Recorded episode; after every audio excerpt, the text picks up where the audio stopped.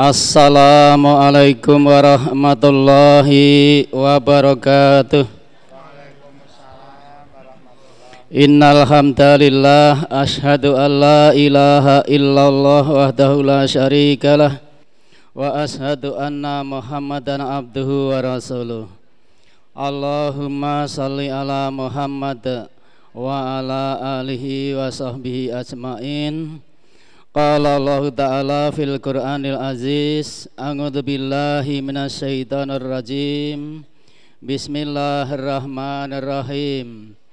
Wal takum minkum ummatu yad'una ilal khairi wa ya'muruna ma'rufi wa 'anil munkar wa ulaika humul muflihun.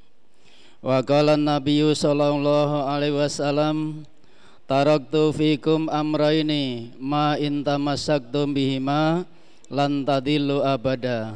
Kitab Allah wa sunnatar Rasul. Allahumma rahamna bil Quran. Jamaah pengajian akad pagi yang berbahagia pada hari ini hari Ahad tanggal 27 Rabiul Awal bertepatan dengan tanggal 24 November tahun 2019 Masehi.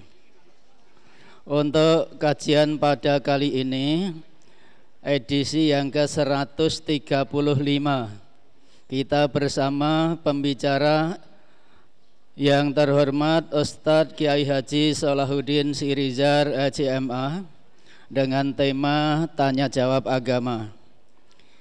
Di sini saya sampaikan susunan acara yang pertama adalah pembukaan, yang kedua kajian sesi pertama kurang lebih nanti 50 menit. Kemudian jeda informasi, dilanjutkan acara yang keempat, kajian sesi yang kedua sampai dengan jam 7.30 menit. Yang terakhir adalah penutup. Demikianlah rangkaian acara kajian pada pagi hari ini. Untuk menghemat waktu, marilah kita buka bersama dengan melafalkan Bismillahirrahmanirrahim bersama-sama. Bismillahirrahmanirrahim. Kepada beliau yang terhormat, Ustadz Kiai Haji Salahuddin Sirizar LCMA, waktu dan tempat diberikan dengan hormat. Monggo.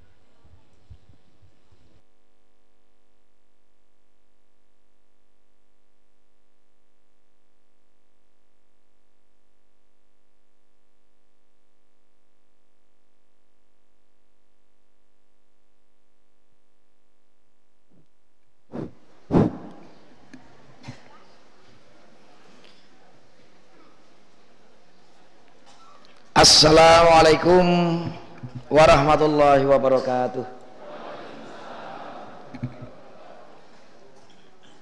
Alhamdulillah Alhamdulillahilladzi ja'alat taqwa libasas solihin fatazawwadu bitta'ah wa qamu ala aqdamihim muntadhirina as-sa'ah khassahum min ibadih wa asma'ahum ladhidha khitabih wa wafaqahum lil muhafazati ala salati wal jamaah istara minal mu'minina anfusahum wa amwalahum bi anna lahumul jannah ala ahsani bidha'ah asyhadu an la ilaha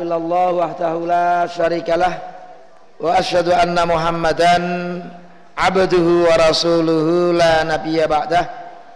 Allahumma salli ala Muhammad wa ala alihi wa ashabihi ajma'in amma ba'd. Bapak-bapak, ibu-ibu sekalian yang berbahagia Pertama mari kita selalu panjatkan puji syukur kehadirat Allah Subhanahu wa taala atas segala nikmat yang telah diberikannya kepada kita semua khususnya nikmat iman dan Islam. Bapak-bapak, ibu-ibu sekalian yang berbahagia, pada pagi hari ini ada beberapa pertanyaan yang insya Allah saya jawab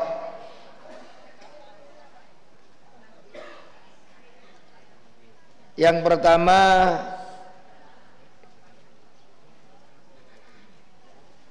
Ustadz ketika hamba Allah melakukan kesalahan atau melakukan perbuatan dosa tentunya dan, dan menyesali kesalahan itu apakah Allah subhanahu wa ta'ala mau mengampuni dosa hambanya?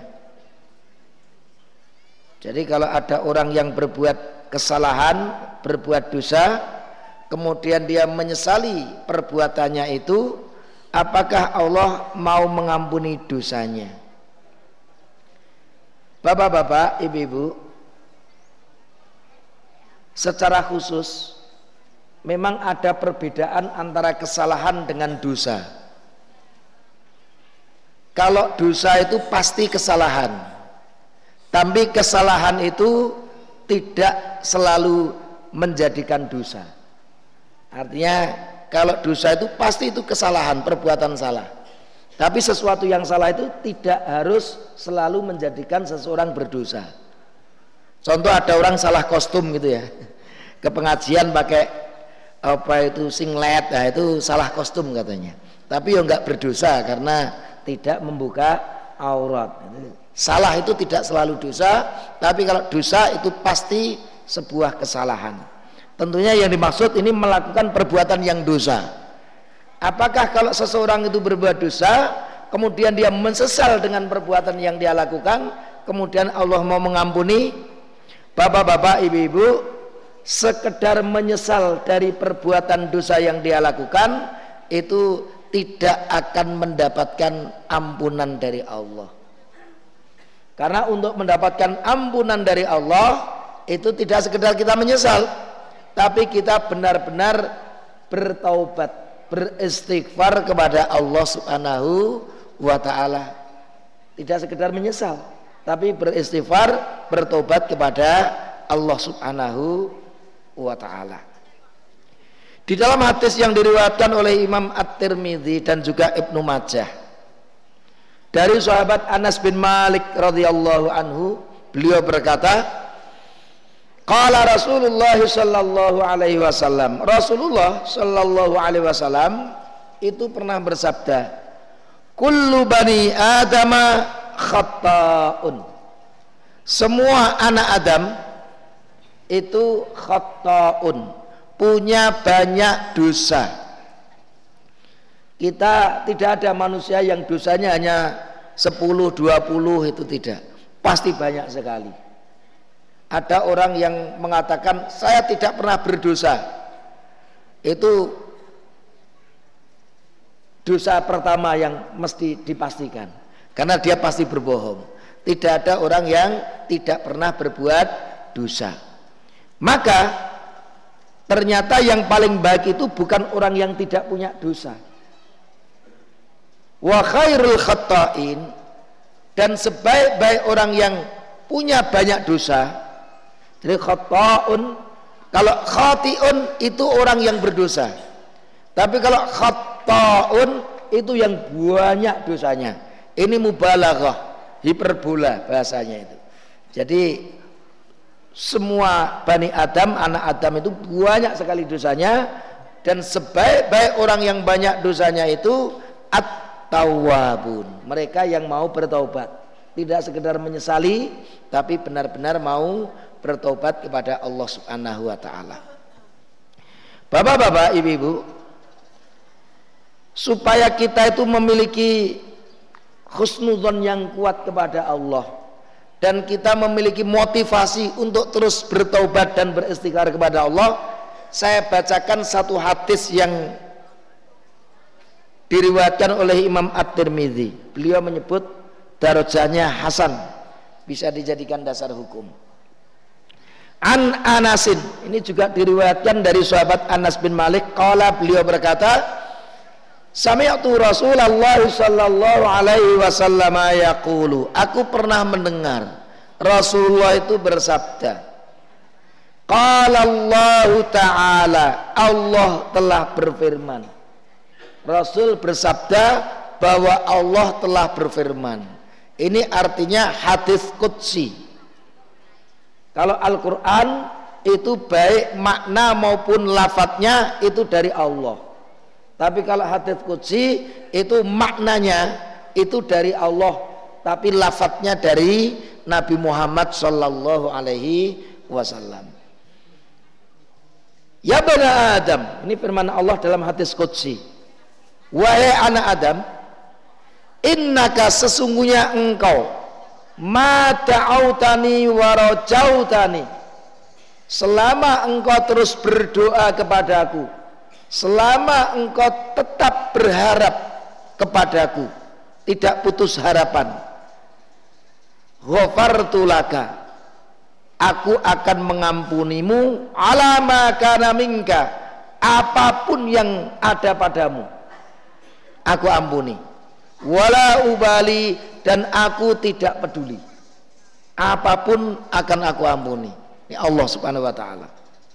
Ya bana Adam wahai anak Adam lau balagat zunubaka ananas sama. Kalaulah dosamu itu sebesar awan yang ada di langit. Kita kita lihat awan luar biasa banyaknya itu summa istaghfartani tapi kemudian engkau memohon ampun kepadaku ghafartu wala ubali. Sungguh aku akan mengampunimu dan aku tidak peduli sebesar apa dosamu itu. Ya bana adam wahai anak adam Inna kalau ataitani bikurabil ardi khataya. Sungguh kalau engkau datang kepadaku dengan membawa dosa sebesar bumi ini summa laqaitani. Tapi kamu mendatangiku la tusriku bi syai'an. Dalam keadaan tidak menyekutukanku dengan apa pun. Tidak berbuat syirik. Imannya lurus. La ataituka bikurabiha maghfiratan. Sungguh aku akan memberimu sebesar dosamu itu juga ampunanku. Jadi bapak-bapak ibu-ibu semua dosa kita kalau kita benar-benar minta ampun minta maaf bertaubat kepada Allah maka Allah benar-benar maha menerima taubat. Maka Allah punya sifat al-ghaffar. Tidak sekedar mengampuni tapi maha mengampuni. Bapak-bapak, ibu-ibu sekalian yang berbahagia, hadis tersebut memberikan informasi kepada kita bahwa ada tiga hal penting yang menyebabkan seseorang itu akan mendapatkan ampunan dari Allah Subhanahu wa taala. Yang pertama, kita berdoa dengan penuh harap Ketika berdoa kita menghadirkan hati kita dan kita tidak tergesa-gesa dalam berdoa. Karena memohon ampun terhadap dosa itu benar-benar perintah dari Allah. Allah sendiri yang memerintahkan kepada kita yang banyak dosa ini untuk memohon ampun kepadanya. Semakin kita meminta Allah, maka semakin kita dicintai oleh Allah Subhanahu wa taala. Ada beberapa hadis yang menguatkan keterangan ini tadi. Rasul bersabda, Allah, berdoalah kalian kepada Allah. Wa antum muqinuna bil ijabah dan kamu itu yakin bahwa doa kamu itu akan diijabahi oleh Allah. Jadi ketika kita berdoa kepada Allah itu kita mestinya optimis husnudzon bahwa Allah akan mengijabahi doa-doa kita ini. Karena kalau kita sudah suudzon ya sudah, Itulah yang diberikan oleh Allah. Aku paling kalau berdoa nggak akan diberi Allah. Akhirnya ya Allah malah nggak memberi. Tapi ketika kita berdoa, kita harus yakin Allah itu maha menerima taubat kita akan mengijabai doa-doa kita. Wa'lamu anna la yastajibu du'a man min qalbin ghafilin lahin. Dan ketahuilah Allah tidak akan mengijabai doa dari orang-orang yang hatinya itu lalai berdoa tapi hatinya lalai doa tidak sungguh-sungguh berdoa tapi sak-sae lalai juga difahami dia berdoa tapi melalaikan Allah. Tidak mau mentaat tidak pernah taat kepada Allah. Hanya doa saja tapi selalu melanggar aturan Allah. Itu juga kolpin ghafil hati yang lalai. Bahkan Rasul bersabda yustajabu li ahadikum. Diijabai dari kalian salah satu dari kalian. Malam ya'jal. Asalkan doanya tidak tergesa-gesa. Ibu-ibu di antara adab dalam berdoa itu kita tidak boleh tergesa-gesa. Kalau kita berdoa tidak boleh tergesa-gesa. Apakah yang dimaksud orang yang tergesa-gesa dalam berdoa? Yaqulu dia berdoa. Ya dia mengatakan da'autu falam yastajibli Aku telah terus berdoa kepada Allah tapi Allah tidak pernah memberi mengijabai doaku. Ini orang yang tergesa-gesa. Baru satu tahun, dua tahun, lima tahun yang diminta, yang didoakan kok belum dikabulkan oleh Allah secara nyata, kemudian dia berhenti. Wes rasa ndungo wes limang tahun, sepuluh tahun mbak ini yora ya opo-opo ini orang yang tergesa-gesa di dalam berdoa maka ibu-ibu berdoa itu tidak ada batas. Setiap saat silahkan kita berdoa kepada Allah subhanahu wa ta'ala dan kita yakin Allah akan mengijabai doa kita. Jangan tergesa-gesa karena Allah akan memberikan kita itu yang terbaik. Rasul juga bersabda man lam yas'alillaha yaghdab alaihi. Siapa yang tidak mau meminta kepada Allah, Allah akan murka kepadanya. Ini menunjukkan bahwa berdoa itu hukumnya wajib, ibu-ibu. Memohon ampun kepada Allah itu hukumnya wajib. Bahkan kalau kita tidak mau berdoa, itu kita berdosa. Kita dimurkai oleh Allah. Jadi Allah itu maha pemberi itu tidak sekedar Allah itu dermawan tidak sekedar Allah itu memberi tapi maha memberi. Kalau manusia itu sedermawan manusia, sedermawan-dermawan manusia. Kalau sing jaluk itu mungkin sesasi pisan nono pena. Tapi coba seminggu pisan setiap Jumat, wah, iki kok setiap Jumat teko ya jaluk terus.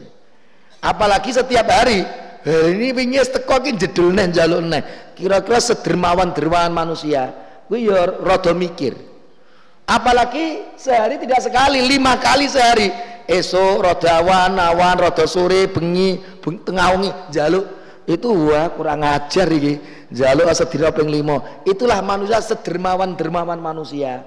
Itu nek dijalui itu yang ada batasnya.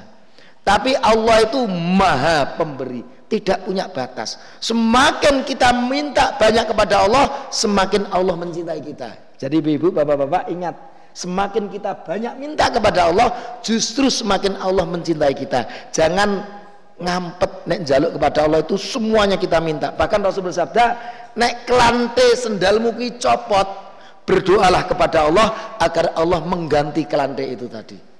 Itu artinya sesederhana apa pun itu kita berdoa kepada Allah. Dan kita tentunya harus optimis Allah Maha menerima doa. Karena ibu-ibu kalau kita sudah berdoa kepada Allah, itu insya Allah salah satu dari tiga hal. Itu pasti. Yang pertama, imma an yu'jalalahu ta'watu. Yang pertama, benar-benar segera dikabulkan. Minta sesuatu dengan cepat ternyata Allah mengabulkannya. Ada orang yang berdoa itu ternyata dengan cepat dikabulkan. Ya Allah berilah kami jodoh baru tiga hari empat hari tahu-tahu sudah dapat jodoh ada yang langsung dikabulkan oleh Allah wa imma ayat lahu fil akhirah. Yang kedua Allah akan masukkan kumpulkan doa-doa kita nanti di akhirat. Kita minta jodoh yang terbaik kita minta harta yang terbaik kita minta semua yang terbaik itu. Neng dunia sampai meninggal kok ternyata yang kita minta tidak ada. Nanti di akhirat tahu-tahu lo jedul semuanya. Loh yang saya minta semuanya diberikan oleh Allah. Itu yang kedua yang ketiga wa imma ayyuk sab'anhu minas su'i atau paling tidak kita tidak akan tertimpa bencana yang sebelumnya kita dapatkan. Kita mendapat sesuatu tidak terulang lagi sesuatu yang memberatkan itu kepada kita. Bencana itu tidak kembali meng, apa itu menimpa kita. Jadi insya Allah antara satu dari tiga hal itu akan kita dapatkan ketika kita tidak tergesa-gesa dalam berdoa. Yang kedua, beristighfar yaitu meminta ampunan. Wastaghfirillah innallaha kana ghafurar. Ini kita juga harus mohon ampun kepada Allah karena Allah ghafurur rahimah. Allah Maha menerima apa itu Maha mengampuni dosa-dosa kita. Bahkan di dalam hadis yang sahih Ibu-ibu, Bapak-bapak, wallahi Rasul bersabda, demi Allah, Inilah astaghfirullah. Sungguh aku ber, memohon ampun kepada Allah wa atubu ilaih dan bertobat kepada Allah fil yaumi dalam sehari aksar min sab'ina marrah lebih dari 70 kali. Rasulullah manusia yang paling sempurna meskipun banyak yang menghina tapi manu, manusia yang paling sempurna itu ya Rasulullah sallallahu alaihi wasallam dia adalah pilihan Allah Subhanahu wa taala sebagai penutup para nabi. Tidak ada yang manusia yang lebih mulia dari Rasulullah. Meskipun banyak yang menghujat, banyak yang menghina. Rasul sempurna manusia itu nek beristighfar sehari tidak kurang dari 70 kali. Maka kita yang lebih banyak dosanya, lebih banyak salahnya, lebih pantas untuk lebih banyak lagi beristighfar kepada Allah. Karena Rasul juga bersabda, sesungguhnya orang mukmin itu kalau berdosa, maka itu titik hitam di dalam hatinya. Berdosa lagi titik hitam, berdosa lagi titik hitam. Tapi kalau dia mau bertobat, maka Allah bersihkan hatinya. Jadi hati itu cermin, Bapak-bapak, Ibu-ibu. Kalau kita banyak bermaksiat, kita banyak berbuat dosa, titik-titik itu semakin banyak. Kalau cermin itu terlalu banyak titiknya, ngocor iso mau melihat mana yang baik mana yang buruk sulit. Karena apa? Terlalu banyak berbuat dosa. Tapi kalau kita bertobat Allah akan membersihkan titik-titik hitam itu kacanya semakin bersih kita ngilu itu gampang. Mana atau yang baik mana yang buruk mana yang benar mana yang salah itu sangat mudah untuk mendeteksi. Maka itulah kita harus memperbanyak bertobat dan beristighfar kepada Allah. Dan satu hal yang paling penting bapak-bapak ibu-ibu agar taubat kita itu diterima oleh Allah. Apa itu? Kita benar-benar tidak menyekutukan Allah. Iman kita lurus, tidak ada kesirikan di dalam iman kita itu. Karena begitu iman kita tercampur dengan syirik, maka yang keluar adalah syiriknya. Allah itu sangat pencemburu. Kalau ada orang yang beribadah kepada Allah dan kepada yang lainnya, Allah mundur wis kono, aku tak mundur wae. Allah hanya akan menerima yang kalau kita lakukan itu hanya benar-benar perbuatan kita, amal kita ini untuk mencari ridha Allah Subhanahu wa taala. Maka ibu-ibu, mari ibadah itu benar-benar masalah niat penting sekali. Kalau kita itu kemarin saya sampaikan, kalau kita membeli kambing, Bu, itu insya Allah kalau jaluk taline karo sing dodol oleh. Pak, jaluk taline sisan, monggo taline kambing dikai. Tapi kalau jenengan guru tuku tali, kok njaluk kambingnya ra oleh. Oh, tuku tali ini kambingnya sisa ya patakan, enggak boleh. Kalau kita mengharapkan akhirat, ridha Allah, insya Allah Allah akan berikan dunia. Tapi kalau kita gurun jaluk dunia tok, bapak-bapak, ibu-ibu, enggak mungkin kita akan dapat akhirat. Maka mari kita jaluk itu akhirat, jaluk itu ridha Allah. Insya Allah Allah akan memberikan dunia juga. Kalau kita membeli kambing, kita minta talinya nggak usah nggak usah minta itu. Kambingnya renek tali, papa tak tak talene pak, taline sisan pak, dikei. Tapi kalau kita tali tok, arah mungkin dikei kambingnya. Itu ah cara kita beribadah kepada Allah Subhanahu Wa Taala. Ibu-ibu, catatan penting, taubat itu hanya bisa dilakukan ketika kita masih hidup. Jadi kalau kita sudah mati, maka pintu taubat benar-benar sudah tertutup. Dan ingat untuk diterima doa-doa itu tentunya ini harus kita perhatikan. Rasul pernah menggambarkan seseorang yang melakukan perjalanan jauh. Wajahnya kusut, rambutnya acak-acakan, mengangkat tangannya ke langit, ya Rob, ya Rob, ya Allah, berdoa dia. Padahal orang yang dalam perjalanan jauh itu termasuk tempat yang mustajab. Orang ketika dalam perjalanan jauh itu doanya mustajab.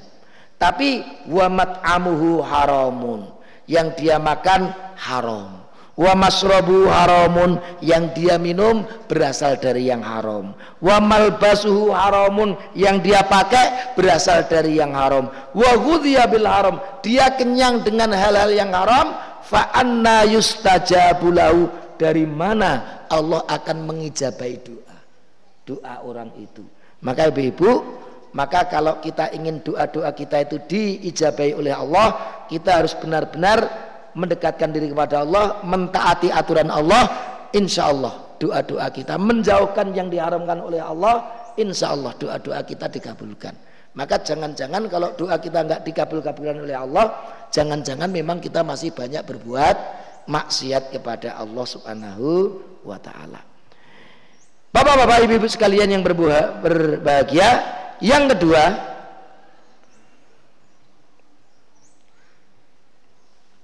Ustadz, teman saya itu kalau sehabis zikir dan berdoa selalu sujud satu kali. Apakah ada dalil yang menjelaskan hal yang demikian? Mamdungo sujud sekali. Ini ditanyakan. Yang kedua, juga berjabat tangan sehabis salam usai sholat. Apakah menambah-nambah sesuatu dalam ibadah? Padahal tidak ada dalil. Apakah itu disebut bid'ah? Kalau bukan tolong jelaskan makna bid'ah yang sebenarnya. Jadi ini terkait dua hal ini. Yang satu sujud setelah berdoa, yang kedua berjabat tangan setelah sholat. Bapak-bapak, ibu-ibu sekalian yang berbahagia, mestinya kita bertanya dulu kepada orang yang melakukan tadi. Itu kalau kita ingin tahu, Mas, Sampai tadi bardungo kok sujud niku wow sujud nopo. Tapi kok mawon kalau kita nggak tahu kan tanya. Tanya. Dan prinsipnya bapak-bapak ibu-ibu, kita itu harus husnudon kepada saudara kita. Jangan suudon. Prinsip ini. Prinsipnya kita husnudon. Maka kalau kita tidak tahu, kalau kita belum paham, kita masih apa itu ada pertanyaan, ketika ada orang lain tanya saja, "Mas, Pak, jenengan tadi sujud niku maksudnya sujud nopo? Nah ini tanglet kemawon. Supaya suudon kita tidak masuk. Karena kalau orang suudon itu sok-sok ya malah justru kita berdua dengan suudon itu. Nah ini ini artinya apa? Bukan saya menyalahkan yang berdaya tidak tapi kalau terjadi hal-hal yang seperti itu perlu check and recheck. Perlu dicek di cross check. Supaya nanti tidak ada salah paham. Ditanyakan jenengan sujud mau nopo to maksude? Kemudian bapak-bapak ibu-ibu secara prinsip setiap amal itu ada niat. Innamal a'malu bin niat. Orang yang beramal itu pasti punya niat wa inna malikul limri'in manawa dan setiap orang itu hanya akan mendapatkan sesuai yang dia niatkan bapak-bapak ibu-ibu kalau di dalam agama kita itu kita mengenal ada tiga macam jenis sujud. Nah ini ada, ada tiga macam jenis sujud. Ya kita nonton saja. Mungkin teman kita tadi salah satu dari itu. Satu sujud sahwi. Sujud sahwi itu kalau waktu sholat nanti tahiyat awalnya lupa. Nah gitu toh. Rokaat tadi baru tiga rokaat atau sudah empat rokaat ya Terus kita anggap tiga rokaat tambah satu rokaat. Nanti kalau mau salam sujud. Lah sujud itu dinamakan sujud sahwi. Sujud sahwi itu akan mengecewakan setan. Kalau kita ragu-ragu, sholat itu lupa papat, anggap tiga, anggap yang kecil. Kemudian setelah mau salam, kita sujud sahwi dua kali. Itu akan menjadikan setan kecewa. Kenapa? Karena sholat kita tetap sah diterima oleh Allah. Itu yang membuat setan kecewa. Yang kedua sujud syukur. Sujud syukur itu kalau seseorang mendapatkan nikmat dari Allah, kemudian dia bersujud. Dapat Rasul itu ketika dapat berita dakwah di sana berhasil, Rasul langsung bersujud. Maka ibu-ibu memperbanyak sujud syukur itu sesuatu yang sangat baik. Mendengar apa saudara kita di sana sujud syukur. mendengar sesuatu yang baik yang membahagiakan kita langsung kita sujud kepada Allah Subhanahu wa taala menunjukkan rasa syukur. Lah itu sujud syukur kapan pun kita sujud syukur itu diperbolehkan. Mau setelah doa, sebelum doa, tidak pas doa, kapan saja boleh sujud syukur itu. Yang ketiga ada sujud namanya sujud tilawah. Itu kalau kita mendengar ayat-ayat sajdah baik di dalam sholat maupun di luar sholat. Itu kalau ada kata-kata ayat-ayat sajdah kita bersujud. Maka disebut dengan sujud tilawah. Lah, kita harus nonton saja seperti itu. Tapi kalau tidak ada niatnya ya nggak ada pahalanya. Sujud nggak ada niatnya ya nggak ada pahalanya. Maka apalagi kalau memahami wes nek dongo itu rek ra nganggo sujud, engko dongane rasah. Nanti donganya ditolak oleh Allah. Lah ini justru sesuatu yang tidak diajarkan oleh Rasulullah. Ini kalau begini bisa disebut itu bid'ah. Karena apa? Dia punya keyakinan nek donga itu radi tutup dengan sujud, nanti doanya tidak diterima oleh Allah. Enggak ada aturan seperti itu.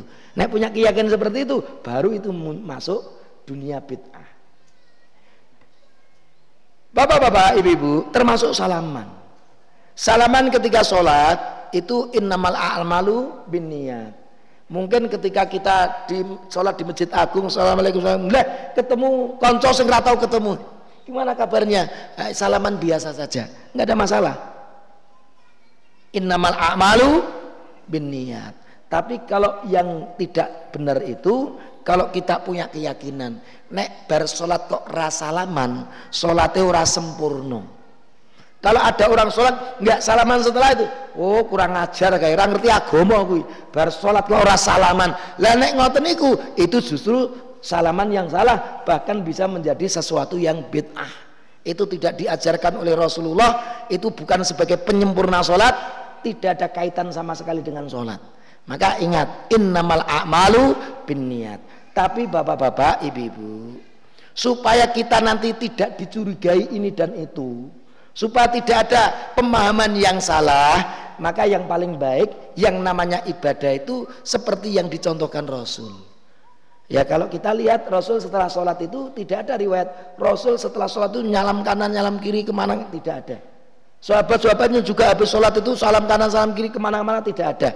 Ketika Rasul ternyata dan para sahabatnya ketika sholat tidak mengajarkannya, maka bagi kita yang terbaik seperti apa yang dilakukan Rasul. Karena kita harus yakin apa yang dilakukan Rasul terkait dengan ibadah mahdoh seperti itu adalah yang terbaik. Maka yang persis dengan Rasul itu yang terbaik. Ada orang yang mengatakan orang yang seperti itu, wong-wong Muhammad dia itu naik ibadah itu minimalis. Minimalis dari ini. Orang ditambah-tambah guru ngono tok gak sih. Minimalis sekali ibadahnya. Maka kalau, kalau kita jawabnya, Pak, Bu, kita ibadahnya itu bukan minimalis. Tapi kita ibadahnya itu proporsionalis sesuai dengan proporsinya sesuai dengan contohnya ngono contoh Rasul ya itulah yang kita lakukan karena kita berkeyakinan yang terbaik dari ibadah itu persis seperti yang dilakukan oleh Rasulullah. Orang lain mau nambah-nambahi mau ngurang-ngurangi silahkan. Tapi kita ingin persis kepada Allah. Gitu saja. Nggak perlu repot-repot. Jadi kita untuk diri kita sendiri mencari yang terbaik untuk kita. Kalau orang ikut monggo. Kalau tidak mau ya silahkan. Kita tidak boleh memaksa. La ikroha fiddin bid'ah itu bapak-bapak. Kalau tadi naik ngoten bid'ah itu pripun? Bid'ah itu terkait umpamanya ibadah mahzo kita nambah-nambahi ibadah itu. Rasul sholat subuh itu dua rakaat.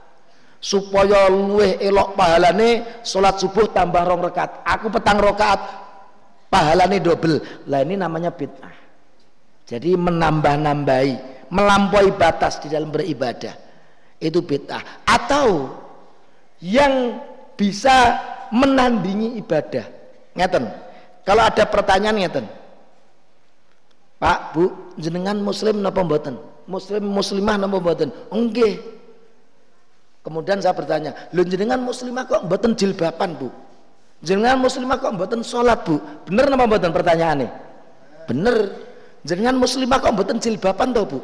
jenengan muslimah kok mboten sholat lima waktu toh bu bener toh benar yang namanya bid'ah itu nanti melakukan perbuatan ibadah yang modelnya seperti itu. Sampean kui muslim kok orang sesaji. Muslim ya kudu sesaji. Lah ini ini kalau tidak sesaji dianggap tidak muslim. Nah hati-hati. Sampean itu kok ora padusan toh? Arab Ramadan barang kok ora padusan toh sampean itu? Oh, nah ini berarti sesuatu yang seakan-akan kaya sholat itu tadi di, seperti ibadah tadi maka ini bisa masuk ke dalam bid'ah. Nek gue arep poso aduse membersihkan badan ya itu rapopo tapi padusannya itu kan beda itu padusan itu. Jari ini rek nganggu tidak pakai ritual itu nanti posone tidak sempurna dan lain-lain. Keyakinan kan ngoten niku.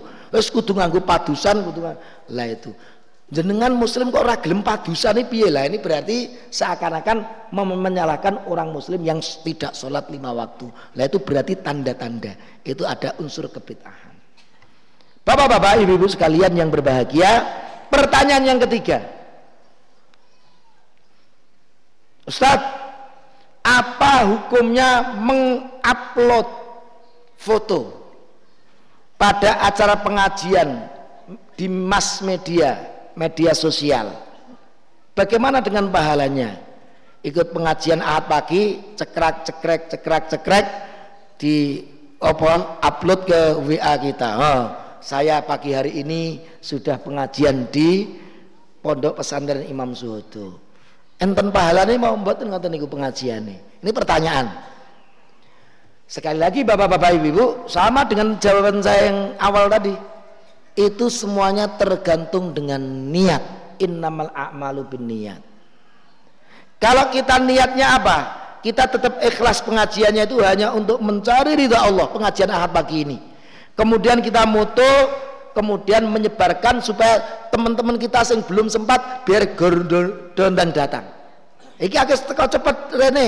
Pengajiannya wesanya menginformasikan untuk menyebarkan supaya orang juga ikut pengajian tapi niat kita benar-benar untuk dakwah dan kita pengajian itu ikhlas mencari ridha Allah. Insya Allah uploadan seperti itu tidak bermasalah. Kita tetap akan mendapatkan pahala dari pengajian kita dan kita juga bisa berdakwah untuk menyebarkan yang baik itu kepada orang lain. Maka niat harus ditancapkan di dalam hati. Namun kalau hanya untuk riak-riak saja contohnya upload. Enggak ini apa itu WA yang donggumun kabeh? Kita sholat malam mamanya dewe jane tapi kemudian diupload. Kemudian ditulisi Alhamdulillah malam hari ini saya sempat qiyamul lail 23 rakaat. Umpamanya begitu. Waduh bautnya begitu. Oh, upload di mass media iki gue sing komentar top berapa orang gitu? Wah ini do, do bangga dengan saya ini jangan-jangan ketika dia sholat lail tadi supaya bangga dipuji oleh orang lain. Lah nek ngeten iki unsur riaknya keluar. Lah kalau seperti ini akan merusak keikhlasan kita.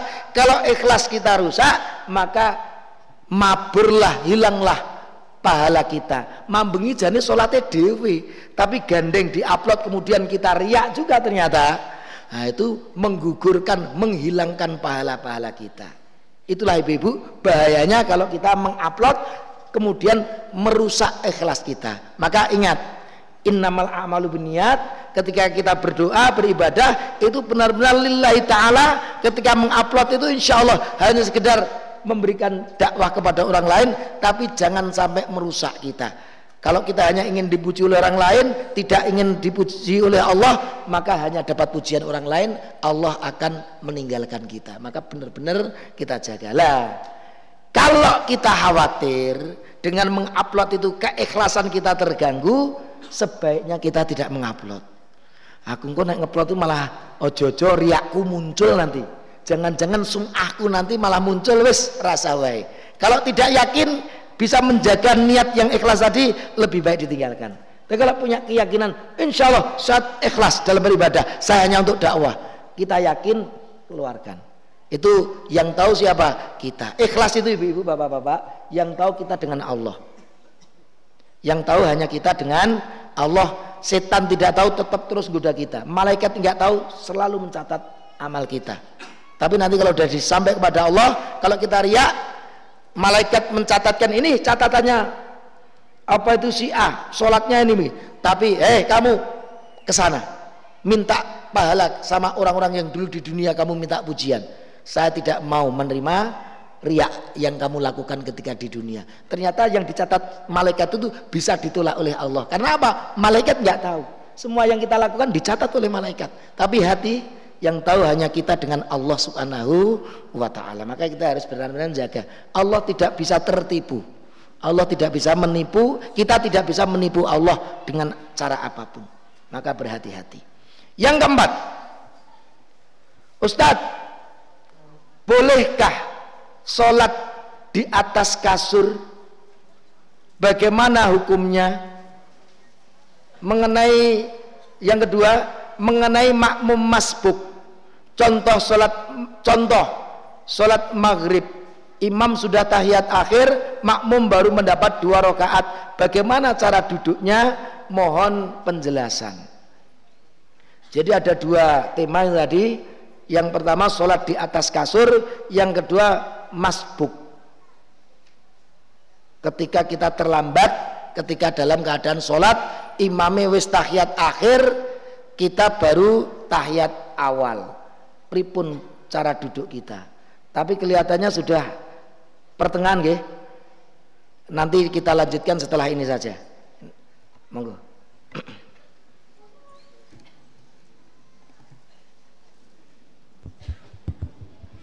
Bapak-bapak, ibu-ibu yang terhormat, di sini akan saya sampaikan jeda informasi. Yang pertama adalah laporan keuangan Ahad pagi edisi kemarin, edisi yang ke-134 bertepatan tanggal 17 November 2019. Saldo awal 14 juta 92 750 ribu rupiah. Yang kedua pengeluaran 5 juta 965 ribu rupiah. Saldo akhir 8 juta 127 750 rupiah. Infak 8 juta 796 200 rupiah. Yang kedua, mohon kepada jamaah sekalian untuk bisa memutar kotak infak Mohon juga untuk membuang sampah di tempat yang telah disediakan. Mohon juga untuk bisa merapatkan tempat duduknya. Mohon untuk melepas alas kaki saat memasuki area wudhu dan kamar mandi masjid. Yang ketiga, insya Allah akad pagi yang keempat, kajian akad pagi akan digunakan untuk tanya jawab agama. Jadi kepada jamaah bisa menulis pertanyaannya dan dikumpulkan di dalam kotak infak yang diputar. Insya Allah akan dijawab oleh Ustadz Salahuddin Sirijar LCMA. Yang keempat, pekan ini yang mendapat giliran dana organisasi dari infak akad pagi adalah PRM dan PRA Karanguni. Setelah kajian bisa diambil di sumber suara. Yang kelima, bagi jamaah yang mengendaki yang hendak mengumpulkan infak kotak kubah lazismu bisa diserahkan kepada petugas lazismu di depan gerbang. Di depan gerbang masuk atas nama lazismu cabang bimbing menghaturkan matur nuwun. Jazakumullahu khairan kasira. Bagi jamaah yang mengendaki tempel majelis tablik untuk keperluan tugas sekolah ataupun dinas bisa menghubungi petugas di meja presensi depan gerbang. Informasi pengajian akad pagi pekan depan. Insya Allah kita bersama Ustadz Saiful Arif, Program Direktur RDS FM. Kajian akan pagi ini dapat disimak siaran langsung maupun ulangnya melalui Facebook Muhammadiyah Cabang Blimbing, YouTube Tablikmu TV 101.1 RDS FM Solo siaran podcast. Demikianlah tidak informasi kali ini yang saya sampaikan. Mudah-mudahan mendapatkan respon yang positif. Untuk selanjutnya kita masuk kajian sesi yang kedua sampai dengan jam 7.30 menit bersama Ustadz Kiai Haji Salahuddin Sirejar ECMA. Semoga. Baik, Bapak-bapak, Ibu-ibu. Yang pertama, sholat di atas kasur. Pernah, Bu, sholat di atas kasur? Pernah, nggih? Dereng. Ada yang pernah, ada yang dereng. Bapak nggih? Tentang sholat di atas kasur dulu. Bapak-bapak, ibu-ibu, sebenarnya prinsipnya sholat itu dinyatakan sah apabila ketika orang sholat itu suci dari hadas, baik kecil maupun besar. Kalau hadas kecil ya wudhu, kalau hadas besar ya mandi wajib. Kemudian ketika dia sholat menutup aurat dan ketika dia sholat menghadap ke arah kiblat. Itu pun kalau mampu kalau tidak mampu ya sedapatnya. Kalau kita sudah seperti itu, prinsipnya sholat kita itu sudah sah. Jadi bu ibu, bagaimana sholat di atas kasur? Prinsipnya sholat itu sah, titik. Dan kalau ternyata aman saja, di kasur kasur ya guru tipis biasa saja. Seperti karpet ning rodo kandel insya Allah kita juga khusyuk tidak terganggu kehusukan kita maka sholat di atas kasur tadi sah sah saja tidak ada kemakruhan. Tapi kalau kemudian kasurnya ternyata mentul-mentul Allah Akbar mentul-mentul ternyata mengganggu konsentrasi kita mengganggu kehusukan kita maka ini ada unsur kemakruhan makruh Makronya apa? Merusak konsentrasi. Ya lebih baik di lantai yang keras sehingga tidak mantul-mantul. Jadi ini prinsipnya tidak apa-apa asalkan sholat kita tetap khusyuk dan tentunya kasurnya juga bersih, tidak kena ompol juga. Karena yang wajib terkena hilang dari najis, bersih dari najis tiga satu badannya harus bersih dari najis. Dua pakaiannya harus bersih dari najis. Tiga tempat dia sholat itu juga harus bersih dari najis. Nek ragu-ragu dak mayurubika ini es tahu kompolan borong ya? Dek ban wes dipal paurung orang dibersihkan urung. Lah ini kalau ragu-ragu ya cari. Tapi kalau kasurnya anyar dan kita yakin ratau kompolan insya Allah. Apa itu suci? Tadi tidak ada masalah tapi kalau ragu mantul-mantul merusak ke konsentrasi, tetap sebaiknya kita di lantai saja. Itulah yang terkait dengan sholat di atas kasur. Yang kedua, tentang sifat duduknya seorang yang masbuk, orang yang terlambat sholat. Zuhur telat rong rekaat, imamnya tahiyat akhir, tawarruk, kita baru tahiyat awal. Ibu-ibu, kita perlu tahu dulu, kita dari dasar dulu untuk menjawab pertanyaan itu. Duduk di dalam sholat itu ada dua macam. Yang pertama iftirash, yang kedua tawarruk. Duduk iftirash itu ibu-ibu gampangane tahiyat awal atau duduk di antara dua sujud itu posisi duduk itu iftirash. Bagaimana duduk iftirash itu? Duduk iftiras itu kaki kanan kita kita tegakkan dan diusahakan jari jemarinya diarahkan ke arah kiblat. Enggak mungkin kalau semuanya itu raiso. Ya, sebagian dari jemari kita itu mungkin sing rodo tengah begitu di ditekuk ke arah kiblat. Itu posisi kaki kanan. Dan posisi kaki kirinya untuk lambaran pantat kita.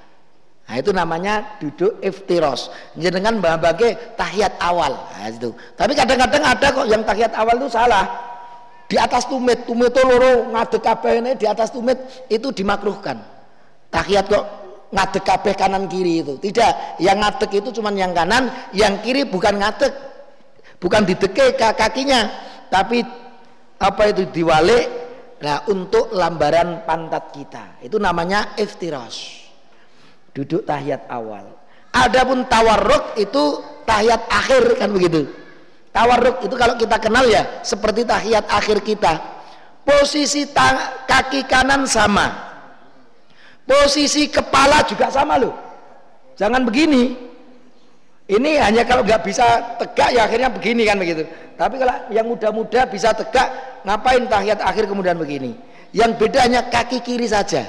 Kalau tahiyat awal itu lambaran pantat kita, kalau tahiyat akhir atau tawarruk itu dikedepankan.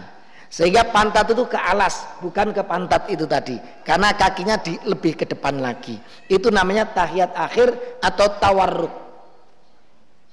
Lalu piye? Awake dhewe baru rakaat imame wis petang rakaat. Kita melu imam tawarruk apa kita iftiros? Bapak-bapak ibu-ibu ternyata kalau kita ngelihat pendapat para ulama itu ya macam-macam kita lihat mazhab empat saja.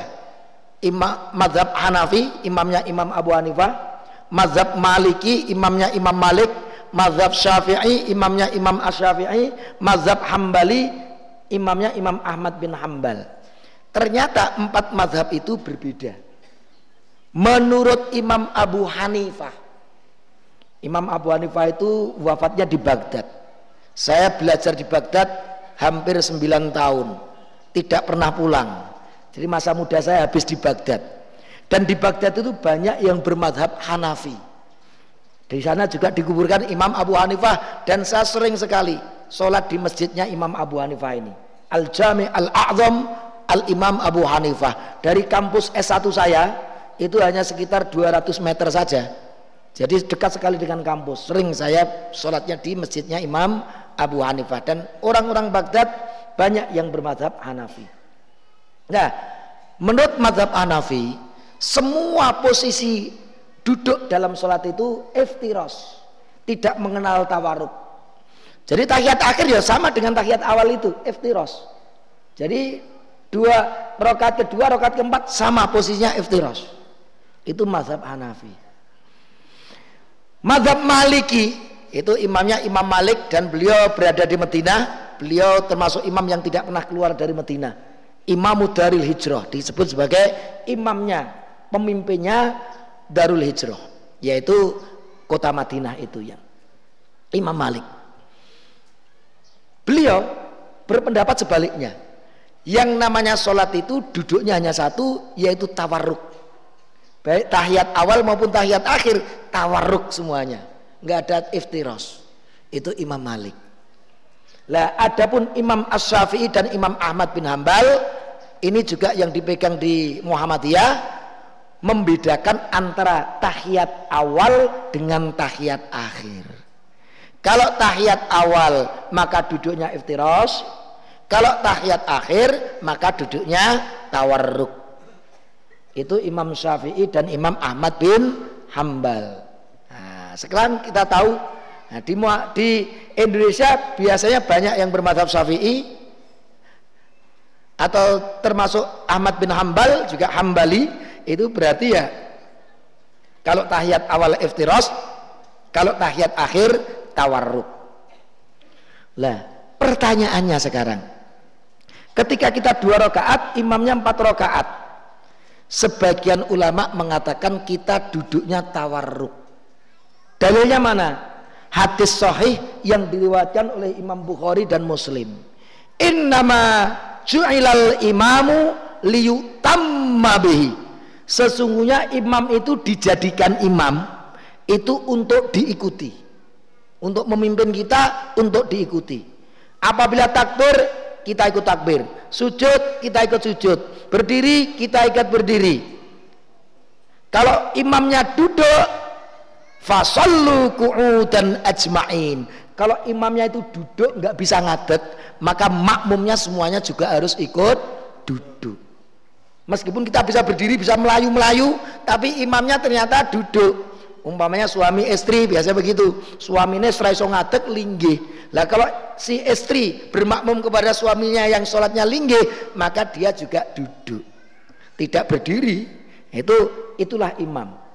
Imam itu dijadikan untuk diikuti. Maka kalau imam berdiri berdiri imam sujud sujud imam duduk kamu juga harus duduk. Sehingga kalau imam tawaruk maka kamu harus mengikuti imam. Jadi prinsipnya itu tadi. Jadi mengikuti imam. Imam tawaruk ya kita ikut tawaruk. Tapi ada hadis yang kedua. Hadis yang kedua ini diriwatkan oleh Abu Dawud juga Imam At-Tirmidzi. Seorang sahabi beliau bernama Abu Hamid As-Sa'idi radhiyallahu anhu Beliau menceritakan tentang cara sholat Rasulullah.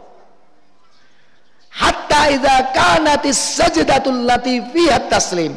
Maka ketika beliau itu dalam sujud yang di situ salam, akhara rijlahul yusra wa qa'ada mutawarrikan. Maka beliau itu duduknya dengan cara tawarruk ala syakil aisar. Jadi Rasul Rasulullah itu diceritakan oleh Abu Hamid As-Sa'idi di dalam hadis Rasul itu kalau duduknya itu duduk mau salam, maka Rasul itu mutawarrikan. Ini artinya apa? Selama orang itu mau berdiri lagi, maka duduknya iftiros. Begitu mau salam, maka duduknya tawarruk. Nah, ini difahami demikian. Maka bagi yang menggunakan hadis ini, maka duduknya iftiros. Karena apa? Karena kita baru dua rakaat karena kita mau berdiri. Mengapa imam tawaruk? Karena imam mau salam. Tapi sementara kita masih berdiri. Rasul tidak tawaruk kecuali kalau beliau itu mau salam. Maka prinsipnya selama kita mau berdiri lagi tidak salam, maka posisinya masih iftiras sehingga duduknya duduk iftiras. Kalau saya lihat ini dalil memang lebih khusus, lebih khusus. Tapi al jamu apa itu wat taufik itu bisa dilakukan. Dua hadis ini boleh semuanya diamalkan. Yang tawarruk menggunakan hadis yang pertama tadi mengikuti imam, sementara yang iftiras mengikuti sabda Nabi, Rasul itu tidak tawarruk kecuali kalau beliau mau salam, baru beliau duduknya tawarruk. Kalau saya ditanya, kalau saya apa itu Pak Salahuddin gimana? Kalau saya sebelum salam saya duduknya iftiras. Begitu mau salam baru tawaruk.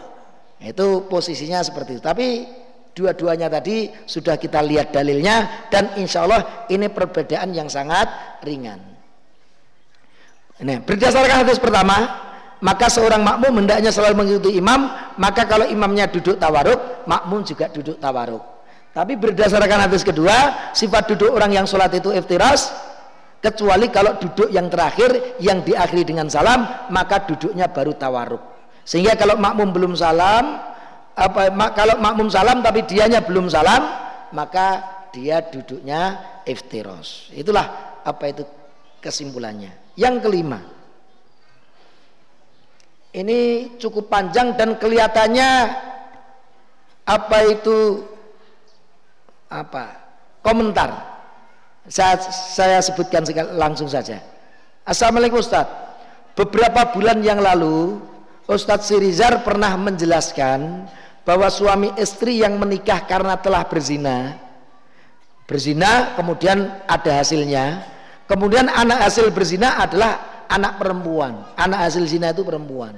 Bapaknya boleh menjadi wali saat anak perempuannya menikah. Jadi dia memahami saya berdiri di sini menyampaikan itu. Bagaimana dengan hadis ini? Yang intinya melarang.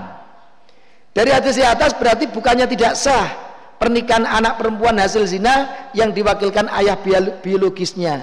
Meskipun sang ayah itu menikahi istrinya. Jadi intinya kalau laki-laki dan perempuan belum menikah berbuat zina kok hadir anak perempuan maka itu anak hasil zina maka tadi komentarnya seperti itu. Jadi bapak mohon maaf eh, saya juga khawatir kalau saya salah ucap. Tapi sebenarnya yang saya sampaikan bukan itu. Nah, ini kesimpulannya begini saja untuk mereka, mereka nanti mungkin cross check bahwa anak hasil zina itu bapak biologisnya itu bukan walinya. meskipun kemudian menikahinya jadi hubungan per, perbuatan zina hamil tujuh bulan baru menikahi maka suami ini tadi bu, yang merupakan anak biologis tapi dia bukan walinya dia bukan jadi wali nikah juga tidak saling mewarisi. Karena laki-laki dengan anak biologisnya yang wanita tadi bukan uh, walinya dan tidak saling mewarisi. Ini orang asing. Kalau hasil perbuatan zina. Meskipun laki-laki itu kemudian menikahi ibunya, tetap bukan walinya. Nah, tadi berzina, kemudian menikahi yang dia zinai itu tadi, anak perempuannya itu tetap dia bukan walinya. Nah, mungkin yang kemarin keterangannya kurang apa itu mengena ke bapak ini keterangan ini. Yang saya maksud bahwa wali dari anak perempuan itu adalah laki-laki dari kerabat ibunya. Bapaknya itu bukan bapaknya si anak perempuan, tapi bapaknya ibunya. Jadi keterangannya mungkin kurang apa itu ke telinga kurang. Jadi yang saya maksud itu bukan apa itu bapak biologis tadi bisa menjadi wali dari anak hasil zina tadi bukan, tapi maksudnya bapaknya ibunya. Karena yang menjadi wali itu keluarga ibunya. Jadi bapak ibunya, nah ini kan tadi eh, dari perbuatan zina, si laki-laki dan perempuan lah. Ini wanita kan punya bapak. Lah ini bapaknya itu bukan bapaknya si anak perempuan tadi, eh, tapi bapaknya ibunya yang hamil itu tadi itu boleh menjadi wali dari apa itu anak perempuannya dia tadi. Atau kalau bapaknya sudah meninggal saudara laki-lakinya wanita tadi yang hamil tadi yang yang hasil zina tadi. Bukan apa itu laki-laki bapak biologisnya bahkan yang sudah menikahinya. Tetap itu bukan walinya. Jadi tidak ada hubungan perwalian tidak saling mewarisi. Jadi apa itu kalau ternyata si ibunya perempuan tadi tidak punya kerabat bahkan bukan laki-laki itu yang menjadi wali tapi diberikan kepada hakim kalau tidak ada wali, maka walinya adalah wali hakim. Jadi Bapak kita tegaskan, laki-laki yang melakukan perbuatan zina, dia bukan wali dari anak perempuan, bahkan ketika setelah itu, setelah hamil, dia menikahi ibunya si anak perempuan. Jadi mudah-mudahan bisa clear. Kemudian yang keenam, Assalamualaikum. Ini ada empat pertanyaannya itu. Bagaimana Ustadz caranya bersembahyang yang khusyuk? Maksud saya sholat tidak memikirkan duniawi. Saya mau tanya beberapa pertanyaan soalnya awal mula saya berhijrah. Jadi ada orang yang berhijrah kemudian mulai memperhatikan ibadahnya. Setelah sholat isya saya langsung sholat witir. Terus tengah malam saya tahajud. Bolehkah? Baru sholat witir, sholat isya langsung witir nanti malam tahajud. Yang ketiga tentang sholat empat rakaat misalnya sholat asar kita bahas satu-satu saja ini dari empat tadi yang pertama ini pertanyaan tentang caranya sembahyang kalau bahasa kita itu sebaiknya bukan sembahyang sholat. Sembahyang itu memang maknanya sholat tapi biasanya sembah itu menyembah sang hyang sang hyang itu ya nah kalau umat Islam mestinya maksudnya Allah. Tapi kalau orang lain kan juga sang hyang juga kan gitu. Maka yang tepat itu ya bukan bahasa sembahyang tapi sholat. Itu yang paling pas gitu aja sholat. Nah itu aja kita tidak perlu me, kita tidak perlu men, menggaungkan sembahyangnya tapi sholatnya. Sholat yang khusyuk. Menjaga konsentrasi bahwa kita sedang menyembah Allah. Jadi supaya kita bisa khusyuk konsentrasi. Kita itu sedang menghadap Allah kita sedang berzikir kita sedang berdoa kepada Allah dan kita harus waspada bahwa setan akan selalu menggoda konsentrasi kita. Ibu-ibu ingat konsentrasi kita benar-benar ini mau menghadap Allah saya mau menghadap yang menciptakan saya untuk meminta kepada Allah untuk berzikir kepada Allah itu konsentrasi penuh. Ada satu hadis yang menarik. Hadisnya sahih diriwayatkan oleh Imam Bukhari dari sahabat Abi Hurairah bahwasanya Rasul pernah bersabda idza nudiya syaitonul apabila dikumandangkan salat azan adzan untuk sholat. Adbar syaitonu maka setan-setan pada lari tunggang langgang lahu zuratun terkentut-kentut. Jadi jin-jin dari jenis setan-setan dari jenis jin kalau ada adzan berkumandang lari terkentut-kentut. Jadi kalau ada adzan kok orang itu membenci adzan berarti meh podo karo setan dari jenis tadi. Nek krungu adzan itu murup itu kelihatannya kupingnya itu. Lari terbirit-birit hatta layas ta'zin sehingga dia tidak mendengar azan itu. Fa idza qudiyat ta'zin apabila azan selesai akbala hatta idza suwiba bisawat kemudian setan itu dari kembali lagi. Idza suwiba bisawat apabila diikomati akbar lari lagi tunggang langgar lagi sampai tidak mendengar ikomat idza qudiyat taswib apabila ikomah sudah selesai akbala datang lagi mendatangi kita lagi. Yang kita sedang sholat itu hatta yakhtira bainal mar'i wa sehingga dia membahayakan antara diri orang itu dengan hatinya. Godo atine.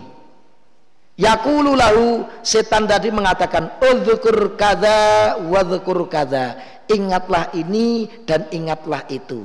Lima alam yakun yadzukur min qablu yang sebelumnya dia itu lupa. Tapi begitu sholat setan tadi goda ingat ini ingat itu hatta yadillar rajulu ma yadrikam sholat. Sehingga orang yang sholat tadi tidak tahu berapa rokaat dia sudah sholat.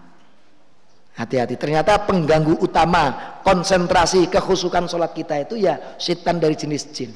Jadi ibu-ibu kalau kita kehilangan kunci Allahu Akbar sosok iya deh kunci mau neng dur meja neng dur lemari. Sosok itu.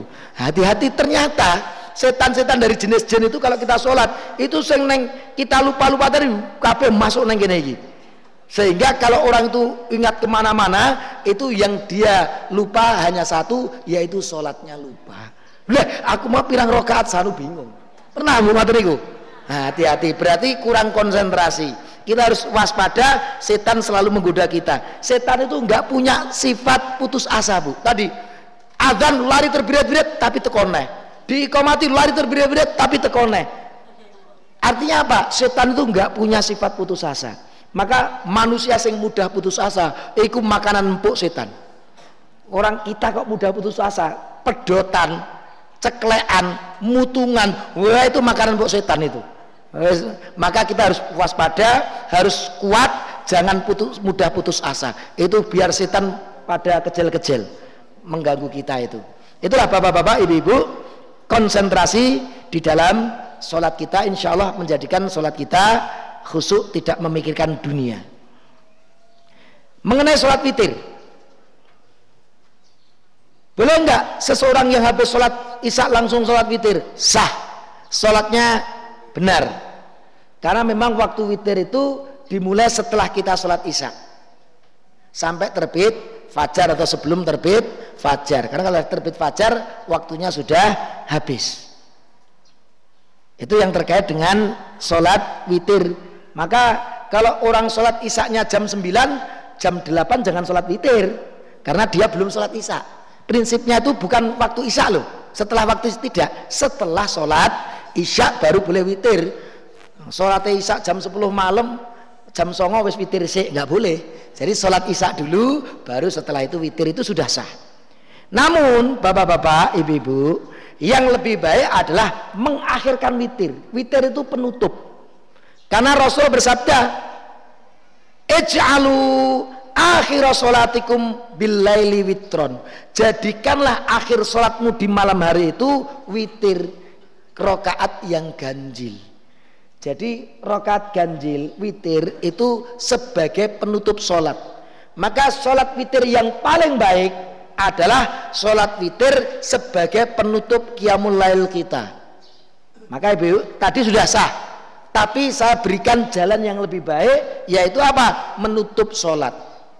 Jadi kalau jenengan punya niat untuk kiamul lail, nanti aku mau sholat lail tidak perlu witir dulu nanti saja di malam hari ketika kita sudah baru dua rakaat empat rakaat kira-kira kepengen mau sholat lagi enggak kalau kepengen sholat lagi witirnya nanti saja. Tapi kalau sudah wes iki wes pol. Ingin tidur setelah itu istirahat maka tutuplah itu dengan witir. Itu yang paling sempurna. Lu nek keturun pripun? Keturun nek wedi keturun insyaallah Bu kalau kita niat kuat Allah akan memberi kita waktu itu. Tapi toh kalau benar-benar keturun ora pura-pura ketiduran ya. Tapi benar-benar ketiduran kita sudah dicatat oleh Allah dengan niat yang kuat itu tadi sebagai satu pahala. Dengan niat tadi sudah cukup Allah akan memberikan pahala kepada kita. Tapi aku tak niat tapi begitu waktunya enggak itu namanya niat niatan niat yang kuat benar kalau enggak keturun ya memang dia melakukannya itu. Itulah sholat lail yang paling baik yaitu witir itu sebagai penutup dan juga perlu diperhatikan la witrani fi lailatin tidak ada dua witir dalam satu malam. Nek panjenengan tadi sudah habis sholat isya witir, maka nanti tinggal yang genep-genep saja. Tidak witir lagi, karena witir itu satu malam cukup sekali. Maka yang terbaik di penutupnya. Maka kalau jenengan ingin memperbaiki sholat lail, witirnya diundur setelah kita sholat lail. Dua rakaat, empat rakaat, enam rakaat, delapan rakaat, wes nanti witirnya tiga rakaat. Cukup sebelas rakaat. Itu untuk sholat lail kita. Menutup witir. Bisa satu rakaat bisa tiga rakaat. Itulah cara sholat witir yang sempurna. Yang ketiga mengenai rakaat ketiga dan keempat. Intinya kelihatan tadi yang bertanya itu ibu-ibu. Dia berbeda dengan suaminya. Kalau suaminya itu katanya kalau sholat asar atau zuhur gitu rokat ketiga dan keempat itu gur fatihah tok. Tapi dia mendapat informasi dari gurunya yang lain bahwa rokat yang ketiga dan keempat itu juga setelah sholat setelah membaca al-fatihah juga membaca surah atau beberapa ayat di dalam Al-Quran. Jadi yang bener nih pripun niku? Kalau zuhur dua rakaat pertama jelas. Al-Fatihah surah Al-Fatihah surah atau Al-Fatihah beberapa ayat Al-Fatihah beberapa ayat dalam Al-Quran. Nek rakaat ketiga dan keempat Fatihah tok napa juga ditambah seperti yang pertama tadi? Nah, sekarang kita lihatkan judul apa itu dalilnya yang namanya ibadah itu yang penting dalil bu. Jadi kalau ketemu dalilnya insya Allah selesai. Yang pertama hadis yang pertama ini hadis yang diriwatkan oleh Imam Bukhari dan Imam Muslim. Dari Abi Qatadah berkata karena Rasulullah dulu Rasulullah itu yusolli bina. Beliau itu biasa sholat mengimami kita. Fayaqra'u fid wal asri. Rasul itu membaca zuhur dan asar firrak atainil ulaya ini ketika Rasul salat zuhur dan asar itu untuk dua rakaat yang pertama bifatihatil kitabi ini dengan membaca al-fatihah dan surah. Jadi rakaat pertama fatihah surah rakaat kedua fatihah surah. Wa yusmi'unal ayata ahyanan kadang-kadang memperdengarkan ayat bukan satu surah tapi ayat-ayat. Wa kana yutawwilur rak'atal ula minadzuhri beliau itu memanjangkan rakaat yang pertamanya. Wa yukassiru saniyata dan memendekkan rakaat yang kedua. Jadi bacaan yang setelah Fatihah itu yang pertama lebih panjang dari yang kedua Wa kadzalika fis subhi demikian juga ketika waktu subuh karena memang subuh hanya dua rakaat. Yang depan lebih panjang, yang belakang lebih pendek. Ini artinya difahami bahwa rakaat ketiga dan keempat cukup membaca surah Al-Fatihah, tidak perlu membaca surah lain atau beberapa ayat seperti rakaat pertama dan kedua. Kemudian kita baca hadis riwayat Muslim yaitu dari sahabat Abu Sa'id Al-Khudri. Annan nabiyya bahwasanya Nabi Muhammad sallallahu alaihi wasallam karena yakrau fi sholatid zuhri Rasulullah itu membaca pada sholat zuhur sholat zuhur firrak atainil ulaya ini untuk dua rakaat pertama dari zuhur itu fi kulli rakaatin qadra salasina ayah. Rakaat pertama rakaat kedua itu setelah Al-Fatihah bacanya kurang lebih 30 ayat sholat duhur itu. Wafil ukhraya ini qadra khamsa ayah. Untuk dua rakaat yang kedua itu sekitar 15 ayat. Jadi ini hadisnya muslim Rasul ketika sholat duhur itu setelah Al-Fatihah rakaat pertama dan kedua setelah membaca Al-Fatihah, beliau membaca kurang lebih 30 ayat. Tapi kemudian untuk rokat ketiga dan keempatnya, dua rokat yang selanjutnya, yaitu ketiga dan keempat, beliau setelah Al-Fatihah kurang lebih membaca 15 ayat. Atau separuhnya lagi. Tidak 15 tapi 7 atau 8 ayat. Lebih pendek. Wafil asri dan untuk sholat asar firraqatainil ulayaini untuk dua rakaat sholat asar yang pertama rakaat pertama dan kedua fi kulli rakaatin qadra qiraati khamsata asyara ayah nek sholat asar itu setelah rakaat pertama rakaat pertama dan kedua setelah al-fatihah kurang lebih 15 ayat wafil ukhrayaini dan untuk dua rakaat selanjutnya qadra nisfi separuhnya itu yaitu delapan atau tujuh rokaat untuk rokaat ketiga dan keempat. Maka bapak-bapak ibu-ibu dari dua hadis yang sama-sama sahih ini maka dua-duanya bisa dilakukan. Jadi yang rokaat ketiga dan keempat itu al-fatihah menggunakan hadis yang pertama Bukhari Muslim adapun yang nambah ayat atau beberapa ayat setelah al-fatihah untuk rokaat ketiga dan keempat sholat duhur dan asar itu berdasarkan hadis yang diriwayatkan oleh Imam Muslim. Tapi untuk sholat maghrib dan sholat isya kita tidak mendapatkan keterangan hadis yang khusus. Maka kalau kita mau nambahi bacaan ayat itu tadi, maka cukup di sholat duhur atau sholat asar saja. Untuk sholat maghrib, rokat ketiga cukup al-fatihah saja. Untuk rokat uh, untuk isya, rokat ketiga dan empat cukup al-fatihah saja. Tapi yang yang siang ini tadi karena hadisnya persis seperti itu untuk sholat duhur dan asar Rasul tidak men, membahas yang maghrib dan isaknya maka untuk maghrib dan isak cukup fatihah saja tapi untuk zuhur dan asar itu memang boleh juga dibaca apa itu surah setelah al-fatihah. Contohnya ada sholat yang ada contohnya ada dalilnya yang kuat insya Allah akan diterima oleh Allah. Jadi ibu dan bapak tidak perlu udur lagi semuanya ada dalilnya. Yang keempat dari pertanyaan tadi mengenai membaca doa iftitah. Sebelum membaca surah al-fatihah pada rokat yang pertama dalam sholat lah suami saya itu nek sholat itu ratau nganggo fatihah niku pak. Pertanyaan kan begitu tadi. Ini. Terus suami saya itu tidak pernah baca iftitah. Bolehkah tat nah, itu suaminya tidak pernah membaca iftitah. Ibu yang namanya membaca iftitah itu menurut para ulama hukumnya sunnah. Sunnah itu kalau ahli usul fikih mengatakan ma yusabu fa'iluhu wala yu'aqabu tarikuhu. Kalau mengerjakan maka dia dapat pahala. Tapi kalau dia meninggalkan maka tidak apa-apa tidak ada dosanya. Artinya apa?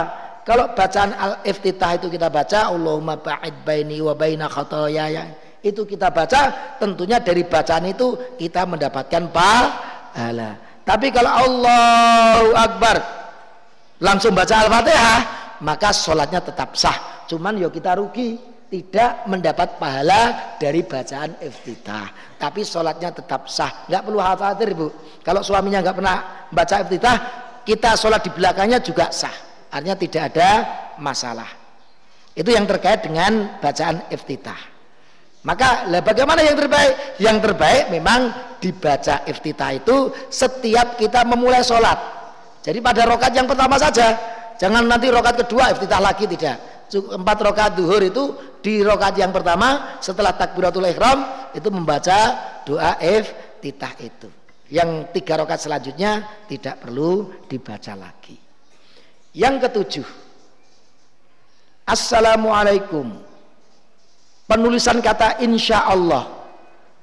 Ada yang penasaran nulis insya Allah yang benar itu bagaimana? Yang benar itu ya pakai bahasa Arab. Insya Allah pakai shin titik tiga. In. In itu jika. Syaa berkehendak Allahu Allah. Jika Allah berkehendak insya Allah itu kita ucapkan sesuatu yang belum terjadi. Eh besok? Anu ya kita kumpul di sana ya? Ya harus pakai insya Allah wajib itu bu. Jangan sampai yo titik tidak boleh. Harus kalau besok untuk urusannya besok harus insya Allah tapi jo, yo jong, jangan gampang ki. Karena kadang-kadang kebiasaan nah insya Allah itu mesti rasido kayak. Oh, sesu, ya insya Allah mesti rasido kena insya Allah itu. Jangan seperti itu. Insya Allah itu benar-benar kalau tidak ada halangan itu ya dilakukan benar itu. Itu insya Allah. Kalau Allah berkehendak itu hendaknya kita lakukan. Lah permasalahannya nulis iki. Iki sing dipermasalahkan nulis sebabnya ibu-ibu memang ada dua sistem transliterasi. Transliterasi itu bahasa Arab itu diganti ke bahasa Latin. Nek shin titik tiga itu nek dilatin ke wipiye itu sebenarnya ada dua ukuran. Ukurannya timur tengah itu shin titik tiga itu di, disimbolkan dengan S dan.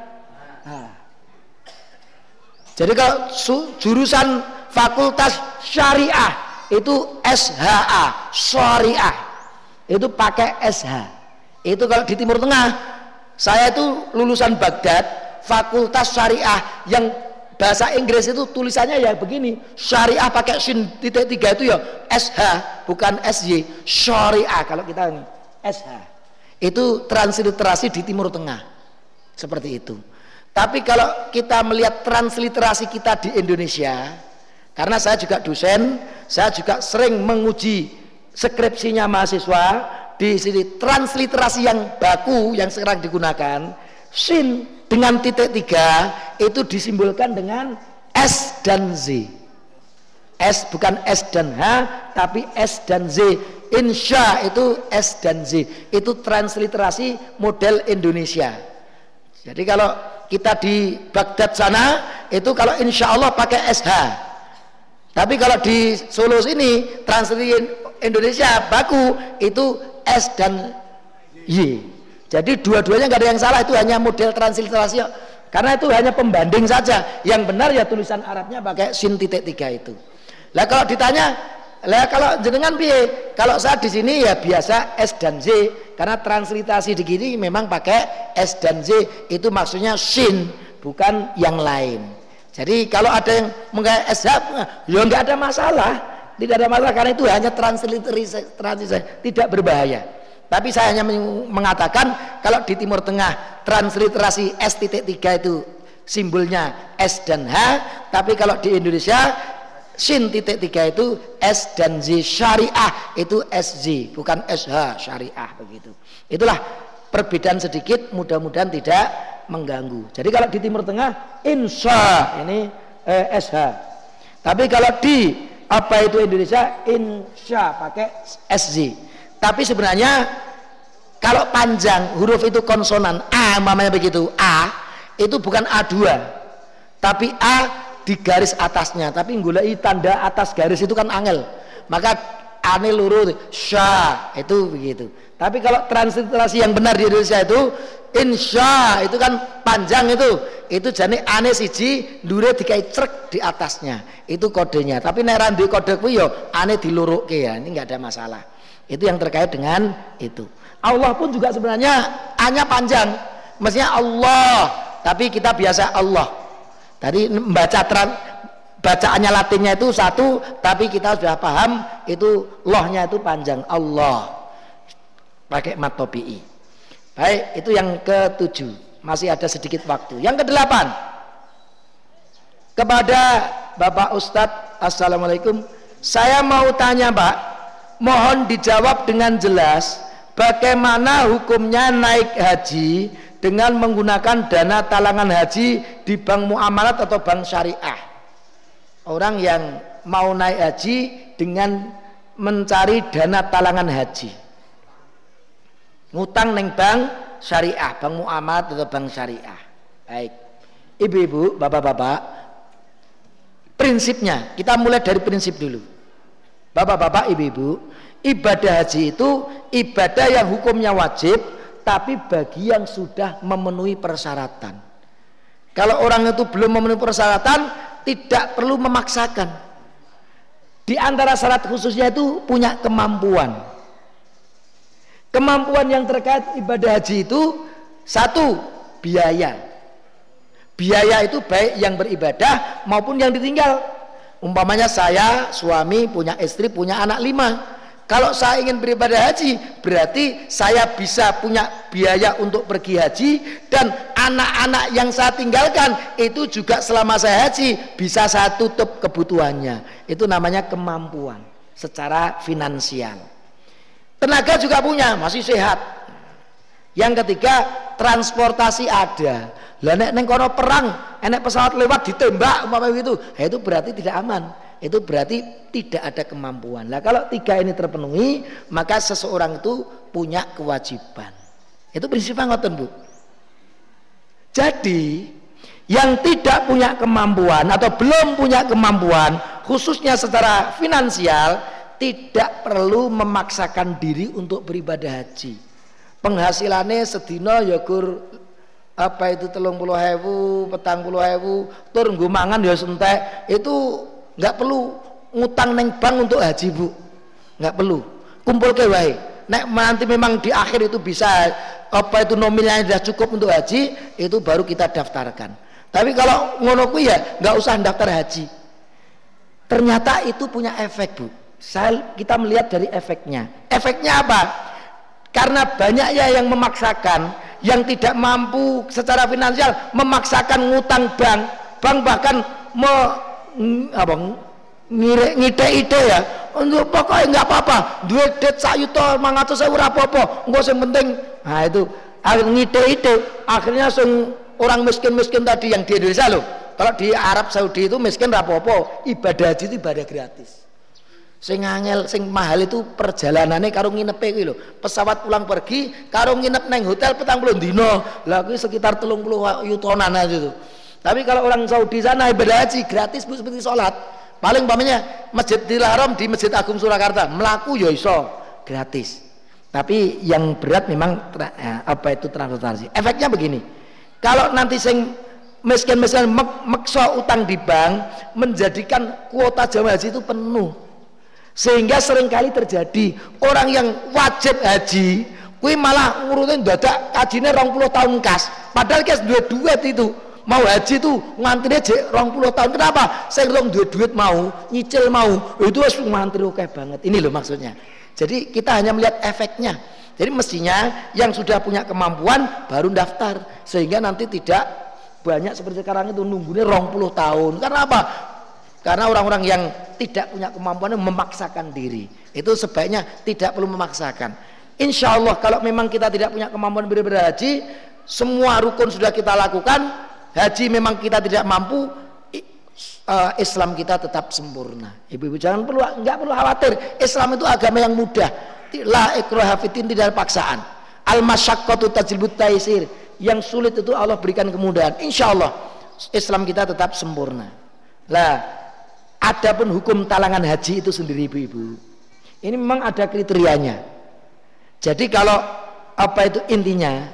Kalau prinsip ijarah itu mapan kalau bank itu ketika kita daftar untuk haji itu kan memberikan fasilitas kita. Didaftar ke engko digolek ke nomornya itu mereka mencari opah mengambil opah itu itu namanya ijaroh ijarah itu bisa sewa menyewa bisa opah mengupah. Lah itu boleh. Kita udah punya kemampuan apa itu kemudian kita datang ke bank untuk kemudian di bantu oleh bank itu prosesnya kita tinggal duduk manis nanti daftar sudah dapat kita tinggal beribadah haji itu bank mengambil keuntungan atau mengambil upah itu boleh itu upah bank. Tapi sebenarnya yang tidak boleh itu kalau bank itu memberikan persyaratan. Dia mau mengurusi kita naik ke awal dewe gelem nek awal dewe utang homoh kowe nek utang rata bantu nek kowe ngutang tak bantu. Ini sebenarnya disemprit sama DSN. Dan banyak bank yang seperti itu. Nah itu sebenarnya nggak boleh. Maka ada subhatnya memang ada. Jadi naik umpamanya, tolong anu ya itu. Kalau nggak ngutang ke bank situ, radikal, tidak digagas. Tapi kalau ngutangnya ke situ, baru mau. Lah ini kan berarti persyaratan. Jadi ada dua akad ini tadi nggak boleh dalam Islam itu. Ijarah dan korot itu ya satu harus satu, bukan dua-duanya. Kalau dia ijarah, bantu, kemudian apa itu dari membantu dia mengambil upah itu sah. Atau kalau korot dia ngutangi telung puluh yuto ya besok kembalinya telung puluh yuto, jangan telung puluh lima yuto itu namanya riba. Nah, kalau loro-loronya nggak boleh persyaratan itu. Maka memang ada subhatnya, maka sebaiknya ya kita tidak memaksakan diri untuk itu. Kecuali kita sudah mampu minta dibantu oleh bank untuk beribadah haji, insya Allah itu bagian dari ijarah tadi. Bagian dari ijarah yang dia ketika mengambil upah dan besarnya tidak didasarkan pada jumlah kalangan. Ya upah itu ya upahnya orang bekerja itu ngopai gitu saja. Nah, tidak ada kaitannya dengan besaran kita utang itu tadi. Kalau itu besaran utang itu bisa masuk ke dunia apa itu riba. Kesembilan ternyata sudah habis. Apakah boleh mendoakan orang kafir? Nah, itu insya Allah akan kita kaji pada kesempatan yang akan datang karena waktunya sudah habis. Mudah-mudahan ada manfaatnya. Aku lu qouli hadza wa. Wassalamualaikum warahmatullahi wabarakatuh. Mohon kita amalkan ilmu kita, tidak beranjak berdiri sebelum kita tutup dengan doa. Subhanaka Allahumma wa bihamdika asyhadu an la ilaha illa anta astaghfiruka wa atubu ilaih. Assalamualaikum warahmatullahi wabarakatuh. Kondoripun darakan wilujeng kepada pimpinan Muhammadiyah Ranting maupun Aisyahnya dari Karanguni mohon untuk datang ke sumber suara. Terima kasih.